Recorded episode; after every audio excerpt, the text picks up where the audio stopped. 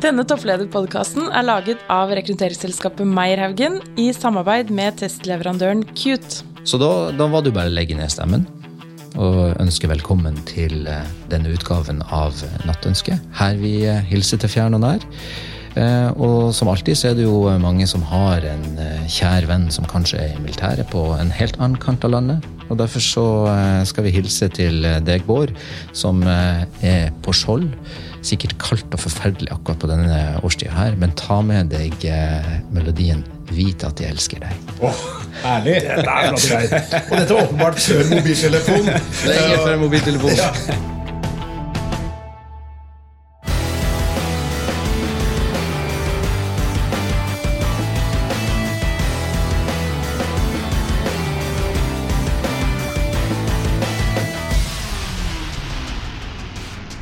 Dag er vi så heldige at vi har med en veldig spennende gjest, eh, Bård. Dette har jeg gleda meg spesielt til. Ja, Og det skjønner jeg, for dette her er som å komme hjem for deg. Det er det. Vi har besøk av Mats eh, Storvik, som er eh, en jeg har jobba tett med, og som har vært min sjef i NTB. Og velkommen til deg, Mats. Ja, tusen takk for at jeg fikk lov til å komme. Ja, og Dette er jo en topplederpodkast, og det passer jo bra å ha med den som er sjefredaktør og administrerende direktør i ærverdige NTB. Tenk det. Ja. Ærverdig NTB. 152 år gammelt. Så det er egentlig mye bør på skuldrene når man leder en virksomhet som er så gammel. Ikke sant? Men kan ikke du bare fortelle, De fleste vet jo hva NTB er, men for de få der ute som ikke helt vet hva De har kanskje hørt om NTB, men de vet kanskje ikke helt hva de gjør. Men veldig kort, hva er NTB? NTB leverer kort sagt innhold til Medie-Norge. Enten det er eh, journalistikk, det er fotografi, det er video, eller andre typer tjenester som er, vi karakteriserer som fellestjenester for Medie-Norge. Og har sånn røftlig knapt 200 mediekunder som vi leverer til eh, hver eneste dag. Ja, for det har jeg alltid lurt på. det, at Hvorfor kan det ikke Hvorfor kan det ikke altså Medier de produserer jo ting selv. Eh, Men for jeg tenker sånn, ofte, sånn Hvis alle skal gå til samme kildene som NTB, da blir jo sakene helt like. blir det ikke det? Ja, men eh, for å si det litt enkelt, så er det noen sånne grunnleggende ting du trenger å ha på plass. Eh, Brød og smør eh, pleier å bruke som eh, begrep, mens, det, mens at mediene sjøl kan drive med krydderet, eh, det som spisser retten som de skal servere eh, sine lesere hver eneste dag. Eh, Så er det likevel noe i grunnmuren som må være på plass for at de skal kunne ha eh, den ekstra spissen på det, som gjør at eh, VG eksempel kan være VG, Aftenposten kan være Aftenposten, men samtidig ha god oversikt over resten av det landskapet som skjer både innaskjærs og utaskjærs. Ja, men jeg tenker sånn, hvis vi skal bli bedre kjent med Mats her, da, så tenker jeg at et spørsmål vi pleier å stille er Hvis vi hadde møtt hverandre på fest, da, og så hadde jeg gått bort til deg, Mats, og sier du eh, Hva tenker du om prikk, prikk, prikk? Hva er det har vært det beste spørsmålet jeg kunne stilt deg, så du fikk bare masse energi? Ah, det kommer Og- helt an på eh, hvem du er. Ja, hvis jeg- jeg er meg, da. Ja, hvis du er deg, ja. Da ville jeg ha eh, fått spørsmålet hva tenker du om ledelse? Ja. Eh, Men hvis, hvis Bent Stiansen hadde kommet, Ja. så hadde jeg elska å få svaret hva tenker du om eh, matkultur i Norge? Spennende. Eh, spennende. Så det er jo litt sånn avhengig av hvem som spør, fordi at eh, i hvert fall jeg lager sånn at jeg blir utrolig nysgjerrig på den personen som jeg snakker med. Ja. det Er det litt perspektivet. journal- journalistgen i deg? Det at, eh, Mulig. Jeg tror jo liksom generelt jeg har vært, alltid vært nysgjerrig. Og da, Ja. da er det liksom Og alltid vært liksom altså kan man eh, så, sånn vondt sagt si at det er litt sånn kameleon, da. Men, men, men på en positiv side så, så, så handler det om å tilpasse seg de omgivelsene som er der. Og Derfor blir jeg veldig nysgjerrig på den personen som jeg snakker med. Og så vet jo jeg, da, som kjenner deg litt, at det er et tema som eh, faktisk vi alle rundt her har eh, felles. og det er Vi skal til fotball, Ja. og vi skal til England. ja. Og, men skal vi til Nordøst-England? Det skal vi. Ja, Ja. Det er helt riktig. Så det, hvis, det, hvis det hadde vært Arne Skeie, som jeg hadde gleden av å være sjef til, Ja. som hadde kommet eh, eh, og stilt det spørsmålet som du tok der, så hadde jeg sagt Manchester United. Oh, det er the love of my life. Ja. Utenom kona, selvfølgelig. Ja, Eh, Men det går så dårlig om dagen. Ja, det går dårlig om dagen. Men jeg er likevel imponert over Ole Gunnar Solskjær som leder. Ja, eh, men som fotballmanager så er det litt å ta tak i. Ja, ja, er det det? Ja, men du, Det kan være en egen podkast. Men jeg har lyst til å prate litt om det her med, med, med matkultur. Ja. Ja. Hva, er, hvis du, hva er matkultur? Hva er det viktig for deg med matkultur?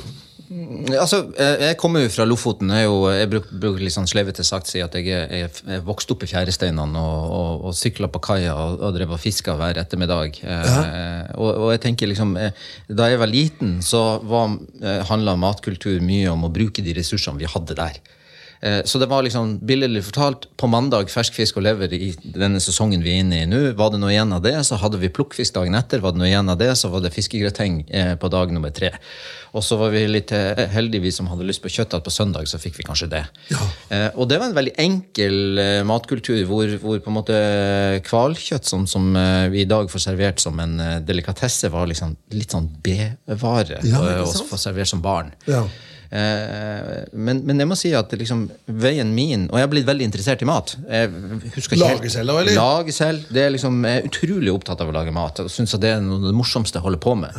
Da kan jeg starte på lørdagsmorgen hvis, ha, eh, hvis du skulle ha kommet på besøk til meg på kvelden. Så hadde jeg gjerne stått opp, satt på krafta på kok, Oi, oi, oi. hvis jeg ikke hadde begynt dagen før. Eh, og så hadde, jeg, så hadde jeg gått og stulla hjemme på kjøkkenet hele dagen med eh, radioen på Alltid nyheter eller eh, TV-en Og litt kokkevin og Ja, ikke sant? Ja, et, etter tolv. Etter tolv, ja, ja, selvfølgelig. selvfølgelig. Og da hadde jeg vært i mitt ess. Det hadde jeg syntes var helt strålende. Og så hadde det gjerne vært en United-kamp på, eh, på TV-en litt sånn utpå ettermiddagen. Og da hadde vi slått Liverpool 4-0. Yes, det var perfekt dag. Å, du høres ut som en nydelig men, dag. men for å svare liksom på det med matkultur, så for meg så har reisen vært gjennom eh, enkel, eh, naturlig mat tilberedt på enkleste måte, Ja. til litt mer avansert eh, tilberedning etter hvert som man ble eldre og eldre. Og litt tilbake igjen til det enkle nå i, i godt voksen alder. Så jeg elsker sånn tradisjonsrik mat. Ja, ja. Det er spennende greier. Men Altså. du, hvis jeg kan spørre deg en ting da Hva er det beste med norsk matkultur, og hva er det dårligste med norsk matkultur? Det beste med norsk matkultur er, eh, og, og har blitt, eh, er jo at vi er stolte av de råvarene som vi eh, har i Norge. Og de, vi har jo fantastiske råvarer. Vi har, eh, jeg har jo også vært eh, sjefredaktør i Avisa Nasjonen, Ja. som jo er veldig opptatt av eh, for det første bosetting i hele landet, landbruk og mat og, så- eh, og så videre. Så jeg har jo sett liksom den enorme eh, matkulturen vi har i Norge, veldig sånn tett på gjennom helt andre øyne. Eh, og, og det beste er jo at vi har så mange lokalmatprodusenter som lager spesialiteter, delikatesser, som du aldri før har, har opplevd i dette landet. Som har fått lov å gro opp, og som vi er skikkelig stolte av. Ja, men Hva er det verste med norsk matkultur? da? Det er jo at eh, det er jo at det fortsatt er altfor mange som syns at eh, fastfood er, er, er helt fint, og veikroen lever i Og det skal du selvfølgelig få lov til å gjøre, men altså at, at, at, eh, at man kan spise så mye enkel mat uh, som er så usunn, det liker jeg jo ikke. Men sånn, Det tror jeg ikke er det verste med norsk matkultur, men det er liksom sånn det er over hele verden. Tidsånden litt? Litt tidsånd. Vi har Ja. ikke tid. Nei. Nei. Men uh, vi skal gå over nå til tre kjappe. Bård, vil du presentere de? Ja, ehm, vi ønsker å, å høre litt mer om deg, Mats. Ehm, kan du, eh, og vi vil presentere tre spørsmål som vi tenker at du kan svare på på, på slutten av podkasten.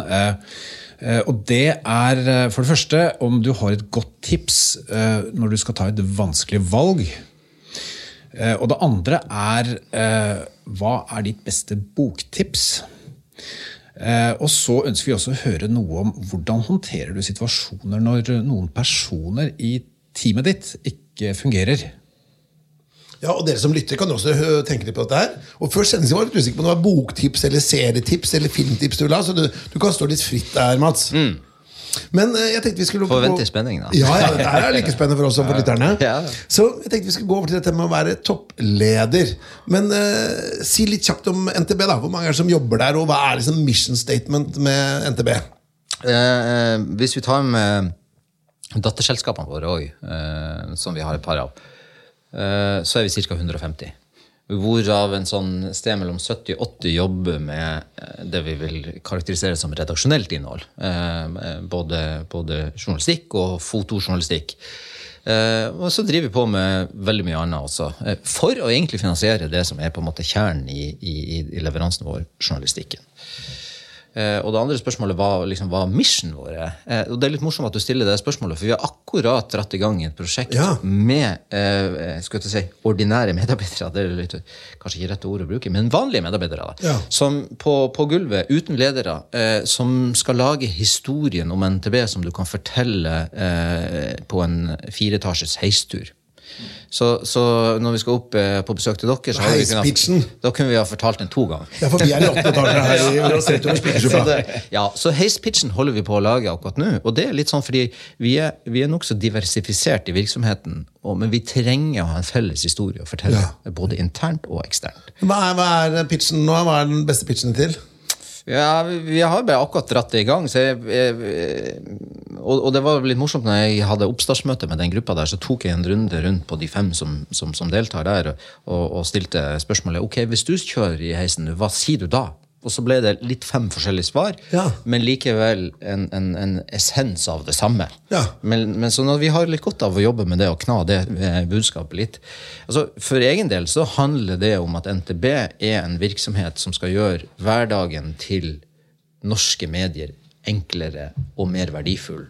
Eh, vi må bidra til verdiskaping til alle våre kunder. Eh, og det er det, det siste der, det tror jeg er for, en journalist går jo stort sett på jobb fordi vedkommende tenker at jeg har et samfunnsoppdrag jeg skal Ja. oppfylle. Det, er liksom, det tror jeg er hovedgrunnen til at de fleste ble journalister. I tillegg til at de syns det er kult å ha byline. Um, og, og da er det liksom sånn, da er det litt magefølelsen, ryggmargsrefleksen, som teller for hva du har lyst til å gjøre i dag. Eh, Og da er vi kommet inn i en verden, og det gjelder for så vidt hele Medie-Norge, hvor, og, kanskje hele medieverdenen, hvor, hvor, hvor, hvor man på en måte forlater litt det. det. Man blir målt hver eneste dag på fungerer det her, fungerer det ikke. Og, og, og eh, i papiravisens verden så er det jo ingen som ga noe tilbakemelding før du stilte en kundeundersøkelse lenge etter at papiravisen har kommet ut på syns du dette produktet var bra eller ikke. I dag så er det litt sånn instant. Ja, også på hver enkelt artikkel, ikke sant? På hver enkelt artikkel. Eh, og for oss som da er leverandør til, til mediene, så handler det jo om at vi faktisk er nødt til å eh, kunne vite at vi leverer verdi som igjen gir verdiskapning for eh, kunden vår. Ja. Hvis vi leverer en Hvem er verdi kundene dine? Er det sluttbrukeren, eller er det de andre mediehusene? ja, det er et godt spørsmål, og det kan man filosofere mye rundt. ikke sant? Eh, hvis, du, hvis du som eh, bilprodusent leverer til, eh, til Bertel Steen eller, eller Møller, eh, som i sin tur eh, selger bilen til meg, leverer du til sluttbrukeren? Leverer du, altså, det blir litt samme, samme greia. Du må alltid, og jeg tror du må alltid tenke sluttbrukeren. For Hvis du ikke tenker sluttbrukeren, så blir det heller ikke relevant for den som er kunde av deg, selv om du er en B2B-virksomhet. Ja, ja, ikke sant?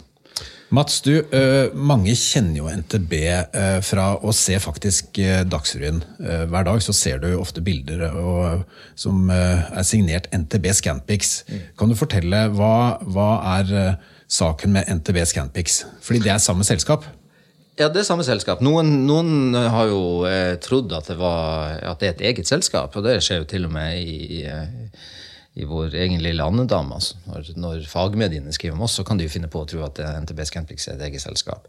Scantpics var et eget selskap. Det var eid av, eh, av Skipsted i, i sin tid. Det ble da kjøpt av eh, NTB og, og, og etter hvert fusjonert med, med selskapet, hvor fotovirksomheten til NTB ble, ble da fusjonert med, med Scantpics sin virksomhet. Så valgte man, og det var jo for min tid, å beholde merkevaren Scantpics, for den sto veldig sterkt, både i Norge og for så vidt også i Skandinavia.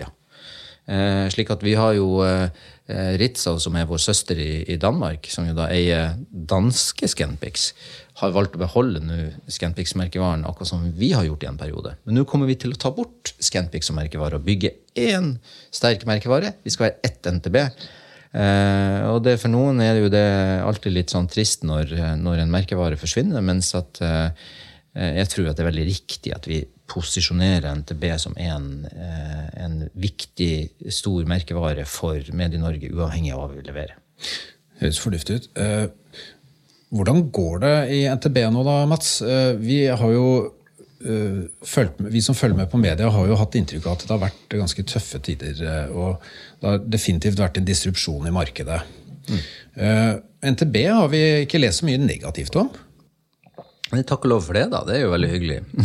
De sier jo ut de nyhetene, de lager ikke de nyhetene. Det må du tenke er godt om. Det der blir omtalt. Nei, altså vi er jo For det første så er vi jo eid av, av mediebransjen. Og grunnen til det Og sånn har det jo vært i nesten Ja, så Skipsted og A-media, Skipsted og A-media, NRK, Polaris De, er hoved- eier med, eh, De eier over, over 90% av NTB. Ja. Og så har vi eh, en del småaksjonærer i, i tillegg. Da. Men det betyr at det, de, de viktigste konsernene i Norge er eierne av NTB. Og grunnen til det er for at de skal sikre at de har en leverandør til seg. Eh, Så dette er jo et strategisk eierskap. Det handler jo ikke om et finansielt eh, eierskap hvor du skal hente utbytte hvert eneste år for eh, å maksimere det. Så de liksom Ja, vi skal ha en sunn økonomi, eh, og, og vi skal levere bra. Eh, Det er liksom eh, målsetningen på det eh, området der. Og så har NTB, hvis man leser historien i den 152-årige historien, vært i gjentatte kriser, spesielt økonomisk. Eh, og og, og, og søstera til Alexander Kielland, som jo var relativt eh, kjent, eh, men den mindre kjente eh, Anna Kielland, hun overtok jo et, eh, et NTB i fullstendig krise. eh, og klarte og det må være noen år siden. Ja, det er noen år siden. Altså, du er historiker, Bård. Husker du årstallet? Ja, det er rundt første verdenskrig. Ja. Eh, og, og, og da var jo NTB helt i knestående. Så hun var jo faktisk den første kvinnelige norske medielederen som, som da eh, tok NTB til det det på sett og vis er i dag. da. En viktig leverandør for, for norske medier. Men hvis du, du var jo inne på dette med distribusjon, eh, Bård. Hva, hva, hva si er, eh, hvor er NTB om eh, fem år, da? Da tenker jeg at vi er en enda viktigere leverandør til medieindustrien enn vi er i dag. Kanskje mer teknologisk orientert og tjenesteorientert enn innholdsorientert. Men, men hvis du, ikke sant, sånn som, hvordan vil jeg som sluttbruker da, se den store forskjellen på NTB Ja, i du er jo åpenbart United-fan, du òg. Ja da, så når, hvis du da Er ikke alle det? Ja, ja hadde, det hadde vært så vel. Det er vel Liverpool sin supporterklubb litt hakket større i Norge, dessverre. Det går på kvalitet òg, vet du. Ja, det gjør det. Men, uh, la oss håpe ikke de får eh, 25 gode år, de nå, da. Men uh, den nå. Nei, uh, til spørsmålet. Jo, altså, hvis du da eh, som fotballinteressert da går inn på uh, liven til eh, TV 2, da. Ja. Altså På appen deres så skal liksom Du har ikke tid til å se bildene i dag. ikke sant? Du sitter i bilen, eller du, ja, du skal kanskje ikke se på telefonen i bilen, men et eller annet sted så gjør det at du ikke kan se TV-signalet. Så er innholdet der levert fra oss. Ja. Så disse små kampreferatene, ikke sant? i det 40. minutt så, eh, så skåra Rashford. ikke sant? Det er skrevet av oss. Eh, og eh, det er jo liksom en sånn type tjeneste som, en, som vi har definert som en fellestjeneste, hvor det er smart at ikke det sitter 15 forskjellige personer og gjør akkurat samme Så. VG Live, det er skrevet av dere? Blir. Blir, ja. Ja. ja. Etter hvert. Uh, Skipsstedet er, på full fart inn uh, som kunde på akkurat dette hos oss også. Ja. Og, det, og, det liksom, og sånn, sånt, tenker vi. liksom, ok, Hvilke områder i, eh, innenfor det som er hovedbransjen vår, eller hovedkundemassen vår, er det som vi kan definere som type fellestjenester, hvor det er smart at man ikke sitter og gjør samme ting? Men dette med roboter, jeg har jo hørt at Det er jo noen år siden første referatet fra en fotballkamp var skrevet av en robot. Er det ikke det? det er, er journalisten på vei ut og robotene på vei inn? På ingen måte. Men eh, på verdensbasis så ser vi jo at, at antall saker som da blir produsert av en robot, er sterkt økende. Ja. Eh, og det er det jo hos oss også. Hvis vi går til, eh, det var flere saker levert av en robot enn av en journalist i NTB i fjor. Ja, ikke sant? Men det Men ikke noen kommentarer og Nei, men jeg, jeg skal ta eksempelet. da. Det var jo da Vi hadde lokalvalg i, i fjor høst. Um, og da, var, da leverer vi til veldig mange aviser så leverer vi oversikten over hvordan det står til i din kommune eller ditt fylke. Eh, og under den, den grafikken der så kom, kom det en liten tekst som står at eh, her har Senterpartiet gått frem med 10 prosentpoeng, forrige valg bla, bla, bla, osv. osv. Hele den teksten der har ingen menneskehånd tatt i. Nei. Og der leverte vi sånn pluss-minus 50 000 artikler på valgnatta. Ja, ikke sant? Ja. Og da, og det, da, da, da du forstår volumet av det. Eh, og, og sånn kommer det til bare til å bli mer og mer. Men, men tror du ikke, men ikke sant, for Det er stor forskjell på å levere en, en sånn statistikkbasert tekst, som man kan liksom predefinere, fylle inn liksom prosenter og sånn. Men la oss si at du skulle komme med en politisk analyse. da. Tror, Ja, det- du at en robot, det- tror du en robot noen gang kan lage en politisk analyse som er bedre enn det en, en, en, en av dine beste journalister kunne gjort? Jeg tror ikke i min levetid. Det tror jeg ikke. Men, men hvem vet i framtida en eller annen gang? Det, er jo, det var jo ingen som hadde tenkt at mobiltelefonen skulle levere det han leverer i dag. Da. Så, så mm, kanskje om noen år, Ja. eh, som er lenger fram enn en de neste fem. Ja. Men, men jeg tror at det, hvis, du, hvis du kan bruke maskinlæring til å gjøre de tingene som det er god på, så kan du frigjøre journalistene til å gjøre det de er gode på, nemlig å snakke med folk. Ja. Eh, eh, og og jeg, jeg tror i større grad så kan vi bruke maskinlæring til å faktisk se sammenhenger som et menneske ikke ser. Jeg tenker jo at NTB har vært flinke til å omstille seg og være ganske tidlig ute og bruke teknologi. eh, Og at det er litt av nøkkelen til at det går ganske bra i NTB. da. Mm. Og på bildesiden så skjer det også mye spennende eh, i, i form av bruk av roboter til å, å gjenkjenne ansikter. Ja, Er. NTB helt up to speed der? Altså, her har vi jo konkurrenter, eller hva man skal eh, kalle de for. Jeg ville kanskje kalle de for konkurrenter, ja. Eh, som type Google, Amazon osv., som jo er et par hakk større enn NTB. Som jobber med dette på verdensbasis. Noen få hakk større. Noen få hakk større. Vi er, de er der vi Nei da, vi kommer aldri dit. Men, men uansett så er det, eh, det der vi, ser, vi jobber veldig mye med akkurat dette. Eh, Vi har f.eks. et arkiv som ligger midt i Oslo her, med ca. 25 millioner bilder som er papirkopier, Dias eller, eller eh, på gamle blyplater, nærmest. Eh, og, de, og de papir, papirkopiene der jobber vi med å digitalisere. For å kunne digitalisere de, så er vi nødt til å ha ansiktsgjenkjenning, som jo da er en robot som kjenner igjen at der, der står Bård Ridås. Eh, og det kommer sannsynligvis ikke Google Amazon til å klare å levere, fordi at det norske markedet er et lite marked. Eh, og hvis vi f.eks. går til idretten, så er det liksom sånn Når vi tester, vi har testa eh, ulike internasjonale aktører og tjenester på dette, så er det vanskelig å skjønne at skiskyting er skiskyting fordi at du går på langrenn og har ei børse på ryggen. Det, altså, vi har en del særegne ting i Norden og i Norge som gjør at vi har en posisjon vi kan ta der. Spennende. Men hvis du tenker at dette er en topplederpodkast, så hvordan er det å være toppleder i en bransje som er i så stor endring? Hvordan, Hvilke krav stiller det til deg? Ja, Det stiller krav til meg at du må tørre å slippe kreativiteten fri. eh, og ikke ha kontroll. Så Det høres litt skummelt ut, Det, høres veldig, det høres veldig skummelt ut. Og jeg tror veldig mange toppledere er livredde for å miste kontrollen. Jeg sjøl kan jo være livredd for å miste kontrollen, kanskje spesielt på, på økonomien. fordi liksom, Hvis du begynner å gå dårlig, så det, da får du ikke til noe av det kreative heller. Så du må liksom balansere to ting. For det første så må du levere resultater som er eh, som forventa eller bedre.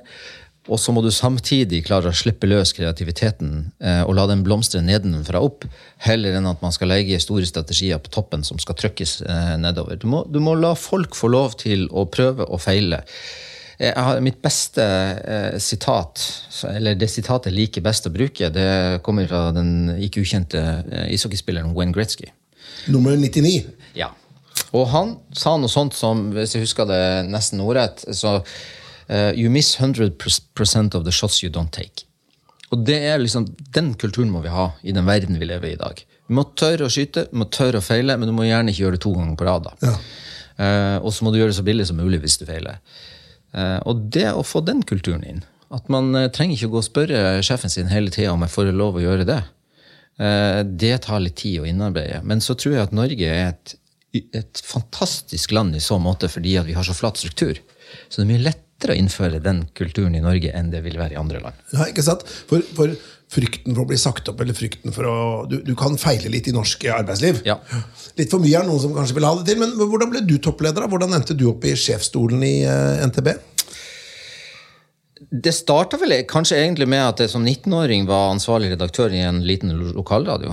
Eh, og, og det var første gang Og det gang var i Lofoten? Jeg var i Lofoten, ja. Den gang, altså, det, dette var jo på begynnelsen av æraen med lokal... Altså, på slutten av 80-tallet så, så slapp han jo monopolet fri. Eh, og det vokste opp en enorm skare av lokalradioer rundt forbi. Det var utrolig morsomt å være med på. Jeg begynte som 16-åring. Som telefonvakt og tok telefonen når man ringte inn på radiobingoen. Eh, og som 19-åring så, så, så ble jeg ansvarlig redaktør. Jeg ante selvfølgelig ikke hva det egentlig innebar. i det hele tatt. Men, men eh, ifra det momentet der så har jeg vel eh, alltid syntes at det var det, det er interessant å få lov til å være med og sette retning. Hvor skal vi? Eh, og så, så ble, har jeg vel vært etter endt utdannelse og, og eh, min, starten på min karriere i NRK, som var liksom den første ordentlige jobben jeg hadde, så ble jeg jo leder veldig tidlig. Jeg var 26-27, eller noe sånt. Så jeg har jo egentlig som fagmann hatt minst av min arbeidskarriere. Så, så det, har vært, det har vært ledersporet hele veien. Ja. Men drømte du om å bli toppleder når du var liten, eller? Nei, det tror jeg ikke sånn guttedrøm at å, jeg skal bli sjef i jeg et tror egentlig ikke det. Jeg drømte å bli snekker. jeg. Ja, ja. For det, det er liksom, eh, Du snakka litt om passion og lidenskap her litt tidligere. Det er òg en sånn Det å snekre. Ja. Få koble huet av og, og jobbe med Du bare ser at ting blir til. Men du er en sånn fyr som har mange talenter. Da. Sånn mat og drikke og journalistikk og business.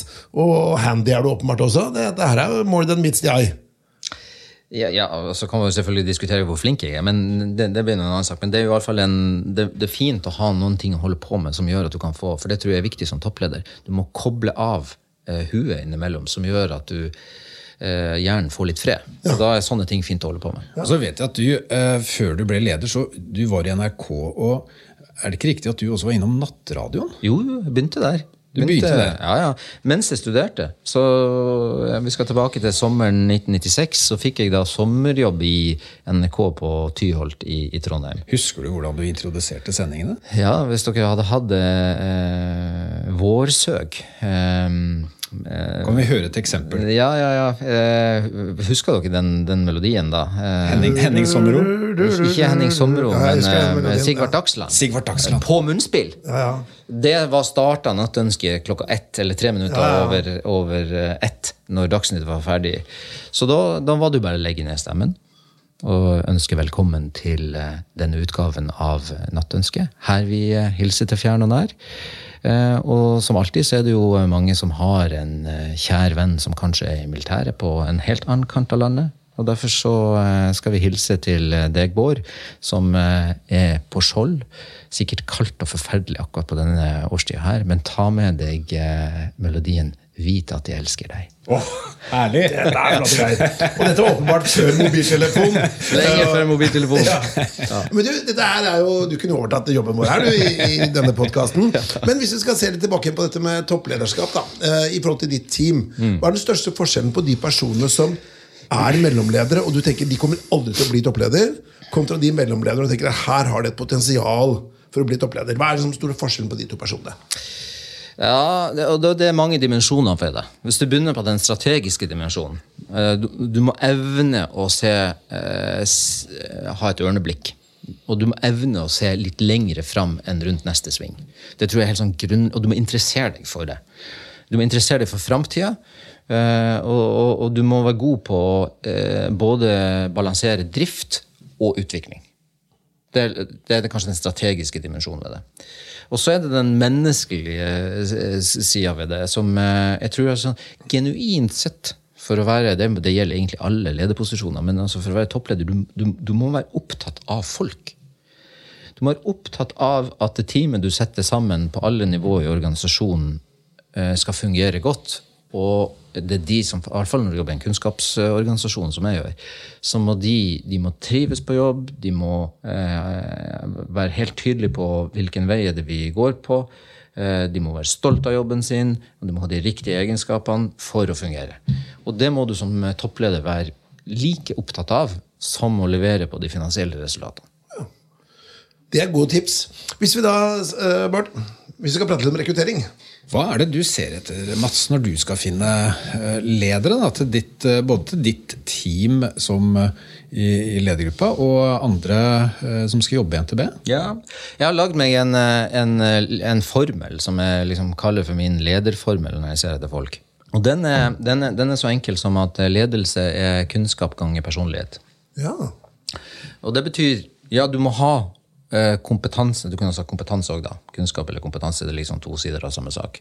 Eh, men du må ha den kompetansen som denne rollen har behov for.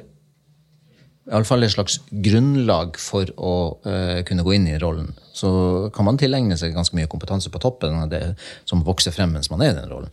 Men så må man ha den riktige personligheten. Og det, det er ikke det samme fra jobb til jobb, og det er ikke det samme fra team til team. Så du må, eh, når, når du har funnet den kompetansen som du er ute etter, så må du tenke ok, har denne den riktige personligheten for det vedkommende skal lede? Har denne den riktige personligheten for det teamet eh, vedkommende skal inn i? Fordi det, det er helt drepende, og det har jeg opplevd, å få inn en personlighet som gjør at teamet ikke fungerer. Det, du trenger ikke å bytte ut mer enn én person i lederteamet ditt, så kan det hende at hele teamet ikke fungerer. Ja. Men i mediebransjen så er det jo veldig mange eh, ledere som har bakgrunn som journalist. Eh, og i hvert fall på redaksjonell side da, så er det mange som har gått veien og begynt som deg. da. Begynt, begynt om ikke i nattradioen, så har du i hvert fall begynt eh, kanskje i lokalavisa. Er det en forutsetning for å bli eh, leder i en, eh, en redaksjon eller i et eh, mediehus da, at du har bakgrunn som, eh, i faget? Det er et veldig godt spørsmål. Um, og så tror jeg at uh, i mange bransjer så vil man si ja. Uh, er det en forutsetning at du som leder for en kirurgisk avdeling på uh, Ullevål sykehus er lege og kirurg? Sannsynligvis ja. Hvis ikke så vil du ikke skjønne hva dette handler om i det hele tatt, og du, du vil bruke altfor lang tid på å sette deg inn i det. Er det en forutsetning for å være redaktør at du faktisk har vært journalist? Jeg tror svaret er ja. Og det handler om det at det er Du må ha litt under vesten eh, alle de etiske vurderingene som skal gjøres i det daglige. Alle, eh, du, du, du, må, du må forstå kildekritikk. Du må forstå hva er på en måte journalistikk kontra reklame, f.eks. Så det å hente noen, sånn- noen, en reklameguru til å bli journalist, det kunne sikkert blitt veldig spennende, eller redaktør, da. Eh, Men jeg tror læringskurven hadde vært bratt. Samtidig så er jeg veldig fan av å tenke at eh, en stor utfordring i mediebransjen er det at alle er for like. De kommer ut fra samme skolebenk, de har lært akkurat de samme. Du har gått på Volda. Gått Volda. Det er ganske mange som har gjort. Veldig mange. Ja. Og det, og, det, og det er også en utfordring at, at man blir liksom eh, forma i, i det, akkurat den samme forma, kommer ut og, og ser helt like ut. Eh, og jeg har jo liksom sagt at det er altfor få Frp-journalister i Norge. ikke sant? Altså, det, det, Ja, hvis du tar ganske- måling på hva journalister stemmer Ja, Norge det er sentrum-venstre, mange journalister. Sånn kulturarbeider og Ja, og, og kanskje eh, jeg ville ha sagt venstre sentrum. Jeg. Ja, ja. Eh, eh, og det har nok sitt utgangspunkt i at mange eh, har valgt å bli journalist fordi at de, de, eh, de skal avdekke urettferdighet, de skal ta den svakes part osv. Uh, og det er liksom det som driver den. Men, men jeg tror at det har, vært, det, det har vært sunt, eller det er sunt for, for mediebransjen å ha eh, en større diversifisering på akkurat det. Og vi eh, som jobber med rekruttering, vi får jo ofte eh, de dilemmaene og sitter og diskuterer de dilemmaene med våre oppdragsgivere, fordi eh, man ønsker å få inn nye perspektiver fra andre bransjer som eh, man kan lære noe av. Men samtidig så skal du raskt up to speed. Du, skal, du, du har ikke lenger to år på å lære deg jobben. Det er maks seks måneder, og det er klart at det er mye vanskeligere hvis du har lite kunnskap om faget, da, eller om, om bransjen. Men jeg tenkte vi skulle gå over til dette med personlighet. Det er viktig også i vår topplederpodkast her. Så vi er jo, øh, Den topplederpodkasten kommer da i samarbeid med testleverandøren Qt. Og de har da anbefalt oss å se på en test som heter Shapes Executive. Eh, For den har noen eh, målepunkter som går på spesielt dette med topplederskap. da. Men før vi begynner på det, Mats, hva vil du si er den viktigste personligheten? For du sa at kunnskap ganger personlighet. Eh, Hva vil du si er den beste, viktigste kunnskapen for toppledere å ha? da? Den viktigste kompetansen og kunnskapen. Ja, nei, Altså ikke sånn- kompetanse, så tenker jeg bare personligheten. Personligheten, ja. ja. ja for ikke sant, Jeg sa da kunnskap ganger personlighet. Ja. Eh, og den viktigste person For det første så, så, så mener jeg er veldig sterkt at den aller, aller viktigste lederegenskapen, uansett hva slags leder du er, det er å ha emosjonell stabilitet. Ja. Du be, altså, ledere som ikke har emosjonell stabilitet, Men hva legger du i emosjonell stabilitet? ja, det, det betyr jo at man, man, man eh, både, det, det er både introvert, men også ekstrovert. Altså, i, I forhold til seg sjøl. Hvis, man- hvis man går rundt og er konstant bekymra, konstant vondt i magen som leder Men da er du i hvert fall stabil på et lavt nivå, da. jeg hadde det stabilt på et lavt nivå, ja. Eh, så tror jeg faktisk at, at, at, at du sliter deg sjøl ut på å være leder. ikke sant? Altså, du, du må på en måte akseptere at du eh, som leder lever, eh, lever i en verden hvor, hvor ting er Det er press rundt deg hele tida. Eh, og det må du takle. Og så har du den ut, ut mot organisasjonen. da, det, Alle har vel sikkert opplevd ledere som i hvert fall har jeg det, som kan eksplodere. Og det er mening i 2020 så er ikke det akseptabelt. Eh, med den type ledelse, at hvor man, må man bli strekt i offentlighet, eh, i plenum osv. Eh, en leder som blir sur og grinete osv. Det preger hele organisasjonen. Så sånn sett er det utrolig viktig å ha noen som er emosjonelt stabil. Men, men du har jo ledere som er ganske entusiastiske, da. ja, men det er jo ikke å være emosjonell ustabil. Nei, men Det kommer litt an på hva du legger i det. Men la oss si at du, du kan, være, liksom, du kan eksplodere, ikke i sinne, men i glede, Ja, ja. eufori. Det syns jeg er helt fint. Ja, det er helt greit. Ja.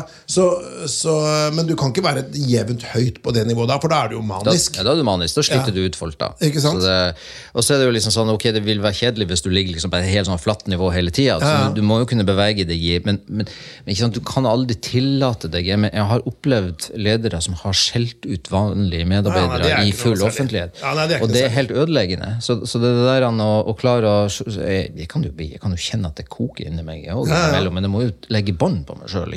Hvilke personlighetstrekk mener du at du har som har vært avgjørende for å bli toppleder? da? Grunnleggende interessert i folk. Ja. Uh, og det sa jeg vel litt, litt tidligere òg, det tror jeg at eh, man som toppleder er nødt til å være. Hvis du hater å være blant folk, ja, da kan du faktisk ikke være toppleder. Jeg hadde en, jeg skal ikke nevne navn, som, som eh, eh, tok heisen fordi vedkommende syntes at det var plagsomt å møte vanlige medarbeidere i heisen på tur på jobb. Det, det syns ikke går an. Men, men du, du, i stad så sa du dette med at du, hvis du skal bli toppleder, så bør du være en, en ganske god fagperson. Og det kan jeg godt være enig med deg i. Eh, men så er det jo ikke alle fagpersoner som er spesielt ekstroverte. da, ikke sant? For Hvis du får eller eh, veldig entusiastiske, eller på liker folk. Du kan være ekstremt La oss si at Hvis du er sentralbanksjef, da, eh, eller du er sjef i, som finansminister, eller du er en eller annen økonomidirektør i Equinor, så er det sånn ja, Kanskje ikke people skills er det viktigste, men du er utrolig god til å regne. Du kan, du kan, du kan lage et beslutningsgrunnlag på store milliardprosjekter. Det burde kanskje være viktigere da, hvis du skal ta de beslutningene som har betydning for kanskje store deler av Norge. Ja, det er jeg helt enig med deg i. Og det var, Derfor så tolka du meg helt feil oh, ja. i, i det jeg sa. Jeg sa det liksom, det er kompetanse slash kunnskap ganger personlighet. Ja. Ok, jeg skal ansette en eh, CFO.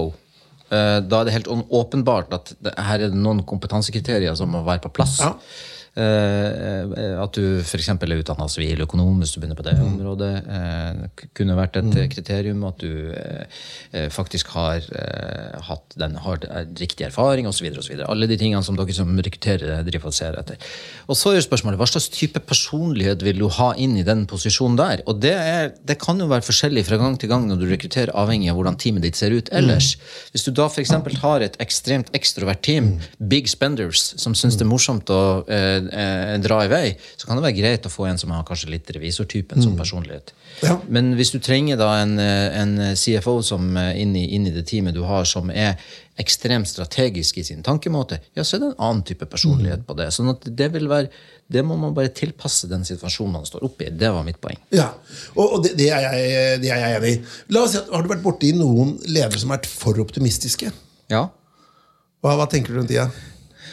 Eh, og igjen, da handler det jo om liksom, eh, hvorvidt at du har Hvis du bare har sånne rundt deg i teamet ditt, så er det jo livsfarlig. Ikke sant? Eh, eh, så så du, du må ha alle. Jeg, jeg bruker Jeg setter sammen team basert på eh, hva slags type personlighet man har. Eh, Man har en god, og, og, og da har jeg ofte brukt JTI, som du sikkert har vært borti, mm. for å liksom finne den firebokstavsforkortelsen på om man er ekstrovert, man er intuitiv, eller eh, man baserer seg på følelser, eh, eller, eller fakta når man tar beslutning, om man er strukturert, ikke strukturert osv. Eh, og da, er det jo, da, da mener jeg at i det teamet du har, så må du ha alt. Ja. Uh, og det betyr at du kan ikke bare, jeg kan ikke bare rekruttere folk som er helt kliss lik meg. Det hadde gått på trynet. Og jeg er generelt grunnleggende sett optimistisk på at ting kommer til å gå bra. Derfor trenger noen pessimister rundt Som drar deg litt ned? Så, drar meg litt ned. Ja. Så må jeg bare nevne at eh, jeg, jeg, jeg vet jo at eh, Mats er jo over snittet interessert i dette. Og jeg kjenner vel ingen andre ledere som kan JTI bedre enn andre. Og for de som ikke vet hva det er, jungiansk typeindeks, det tror jeg du kan eh, Jeg tror du kan alle kodene, Mats. Det er 16. Eh, og hvis jeg tenker meg om, så kan jo alle ha en sånn viss, eh, viss begrep om hva alle går ut på. Og så er det jo det som jeg har ofte diskutert med meg sjøl, og som jeg ikke helt klarer å konkludere på, det er hvorvidt at det er en, du grunnleggende sett er nødt til å være ekstrovert for å være toppleder. For det er jo den ene av dimensjonene i den eh, JDI-testen. Eh, og så tror jeg at det avhenger av hva slags type bransje man er i. Ja, ikke sant? Eh, I vår bransje, altså mediebransjen, så tror jeg grunnleggende sett at det er en fordel å være ekstrovert. Altså, du må like det blant folk. Ja, ja. Du må hente energien fra folkene Ja, rundt deg. ikke sant? At Det er fordel i vår bransje òg, for å si det sånn. ja, mens at kanskje i andre typer bransjer, hvis du er forsker, eller, eller hva du er, så kanskje det er smart at du er i andre enden av skalaen. Så det der å, å vite hva slags type profil er du har bruk for, det tror jeg det, er det beste rådet jeg kan gi til andre ledere, at det, å være bevisst rundt det, Ja. er viktig. Men du, jeg tenker, kun, Kan man som toppleder lede hva som helst? Eller er det, bør man eh, holde seg til det faget man kan? Et vanskelig spørsmål. Eh, Jeg tror ikke, for Hvis jeg tar igjen den parallellen til det jeg sa i sted altså Å å sende meg inn til å lede eh, Oslo universitetssykehus, det kan du bare glemme. Det, det tror jeg aldri hadde kommet til å gå bra. Kunne du le- ledet en offentlig etat? Kunne du ledet Ja, kanskje. kanskje. Men, og derfor så er, og mitt svar på det vil være litt sånn Ok, jo smalere faget er, og jo mer spesialist du er, jo mindre sjanse er det for å være generalist som leder. Ja, så, og, og, og det er sånn jeg tror du må se på det. Og så har du, så har du da sånn type noen, noen eh, bransjer, noen eh, offentlige institusjoner osv. som er noe sånn mer brei, sånn rent kompetansemessig. Da tror jeg du eh, kan eh, relativt raskt sette deg inn i de problemstillingene som er i organisasjonen, og gjøre en god jobb som leder, selv om du ikke har den fagkompetansen. Ja. Bård, non-profit. Hvis du skulle hatt en eh, annen jobb og jobba i en organisasjon, en type NGO, eh, Mats, hva, hva, kunne det, hva kunne det vært for deg, siden vi snakker om andre typer bransjer? da? Det måtte ha vært et eller annet som har med eh, barn å gjøre. Eh, grunnleggende sett så eh, altså, Hadde det vært en Jeg kunne ha leda den lokale fotballklubben for eh, Hvis jeg hadde hatt nok penger til å leve for uten å eh, heve lønn, så hadde jeg kunnet tenke meg til å eksempel vært leder av det lokale idrettslaget. Eh, og, og det hadde vært jobben. Det hadde gitt sånn mening hver eneste dag å gå på jobb og vite at det du legger til, eh, ned av arbeid her, det kommer masse unge, både barn og ungdom, til gode hver eneste dag. Det hadde vært veldig givende for meg. Uh, og så vet jeg at fotballen spesielt er jo blitt ekstremt profesjonalisert og mye penger i. Men, men på lavere nivå uh, innenfor det systemet der, så, så er det ikke så veldig mye penger. Det er mye vaffelsteking og pølsesalg for at man faktisk skal få hjulene til å gå rundt. Og mye uh, innsats fra både foreldre og ildsjeler. Det hadde vært, for meg hadde det vært eh, en slags sånn ildsjeljobb å gå inn i en sånn eh, eh, rolle. da. Bra svar, det. Ja. Skal vi se på dilemmaene våre, eller spørsmålene våre rundt, eh, som vi tok innledningsvis? Ja. Fordi vi hadde eh, noen spørsmål, eh, Mats, om, eh, om du har noen gode tips når du skal ta vanskelige valg. Har du noen gode verktøy? Jeg, jeg, jeg tipper at du står foran vanskelige valg kanskje hver eneste dag.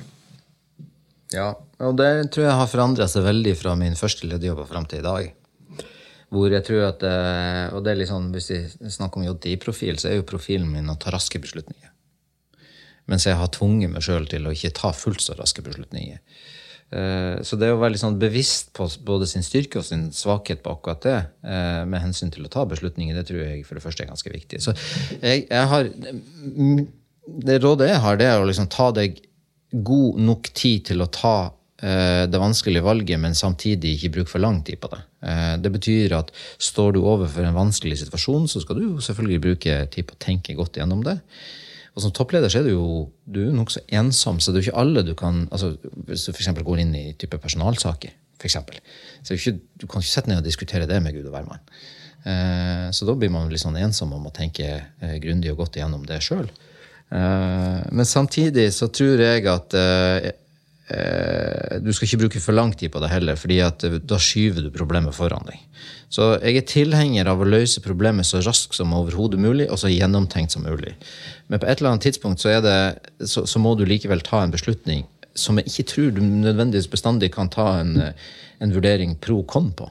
Det, det handler til, til syvende og sist om at hva tror du er riktig å gjøre. Og dette, jeg vil tro at dette er eh, en type metodikk som du har lært deg gjennom erfaring. for dette er jo ikke noe du, dette er jo ikke noe du kan eh, lese i en bok. Eller du kan kanskje lese i en bok, men det er ikke så lett å, å, å bruke det uten å faktisk eh, ha erfart uh, på et vis. Ja, altså det, det, ledelse er jo på sett og vis et fag. Og fag kan man jo lese seg til. Men det er erfaring som avgjør hvorvidt at du takler det på en god eller dårlig måte. Og da må du, du må en ha opplevd å være ute en vinternatt, fordi at den dagen vinternatta kommer, og du aldri har eh, vært trent til det, eh, og den treninga får du utelukkende gjennom erfaring, så er det vanskelig å, å overleve den vinternatta. Så, så, jeg tror jo det at eh, for å være toppleder, så må du eh, ha eh, opplevd mye eh, for å kunne bekle den rollen. Sånn at å, å gå inn, hvis du er altfor ung, i en topplederstilling, det tror jeg er ekstremt krevende. Skal vi ta vårt neste spørsmål, da? Vi, vi, stilte, vi, stiller alle ledere som er inne, om de har noen gode tips til enten en bok eller en serie da, for å koble av. Har du noe du kan dele med oss? Ja, eh, altså Jeg kunne ha snakka mye om serier, for det er en måte jeg kobler godt av på. Uh, nå er jeg spent, altså. Vi er sånn storkonsulent av Så Jeg, har lyst til, jeg har lyst til å svare to ting nå. Ja, ja. Ta serie først, da. Ja, uh, akkurat nå så, så, går det en serie på TV2 som heter Heksejakt. Og den er fantastisk ut ifra Om varsling, er det ikke det? Ja, ja. Og, men også ut ifra et lederperspektiv. Jeg, jeg, jeg, så siste episode, som episode seks av åtte, som kom i går. Og du vet at Da har jeg det fint når jeg ser den. Altså, da kan jeg relatere det både til det jeg er opptatt av, men også koble veldig av. Den må jeg se. Ja, den må du se. Den, liksom, den starter med en faktura som uh, CFO-en uh, stiller spørsmål ved, som er litt uh, shady. Oi. Og så går det videre derifra. Si ikke mer. Så av bøker så har jeg jo alltid vært glad i å lese mye bøker. Ja, for, så, for så vidt eh, alltid lest mye krim. fordi igjen, det kobler hodet av, og det tror jeg man eh, som leder må ha noen områder som, kobler, som, gjør at man kobler av. Men sånn, ei bok som jeg, som jeg tar frem titt og ofte, det er biografien om Steve Jobs. Og jeg er ekstremt stor fan av Steve Jobs på mange områder. Og så er jeg veldig opptatt av at han hadde enorme svakheter på andre. Han var vel ikke noen people person? Ikke i det hele tatt. Uh, sånn at uh, i forhold til det å tenke stort, i forhold til det å tenke uh, liksom, hvor, hva, Hvilke valg må man ta for å faktisk komme videre med det du driver på med? Og at du har, du har liksom en, en, en, en, gigantisk tanke der fremme. Fantastisk. Men i forhold til å lede folk en katastrofe. Og det å lære seg eh, Du lærer noe av det òg. Eh, og faktisk lese om hvordan han, eh, han leder folk, og eh, tenke som så at det, eh, den måten skal jeg ikke gjøre det på. Så, så biografien hans er det, det, det tipset. Men det siste, når, noe ikke, når noen ikke fungerer, hva vil du si, det er jo Alle ledere kommer opp i den situasjonen fra tid til annen. Hva gjør du da?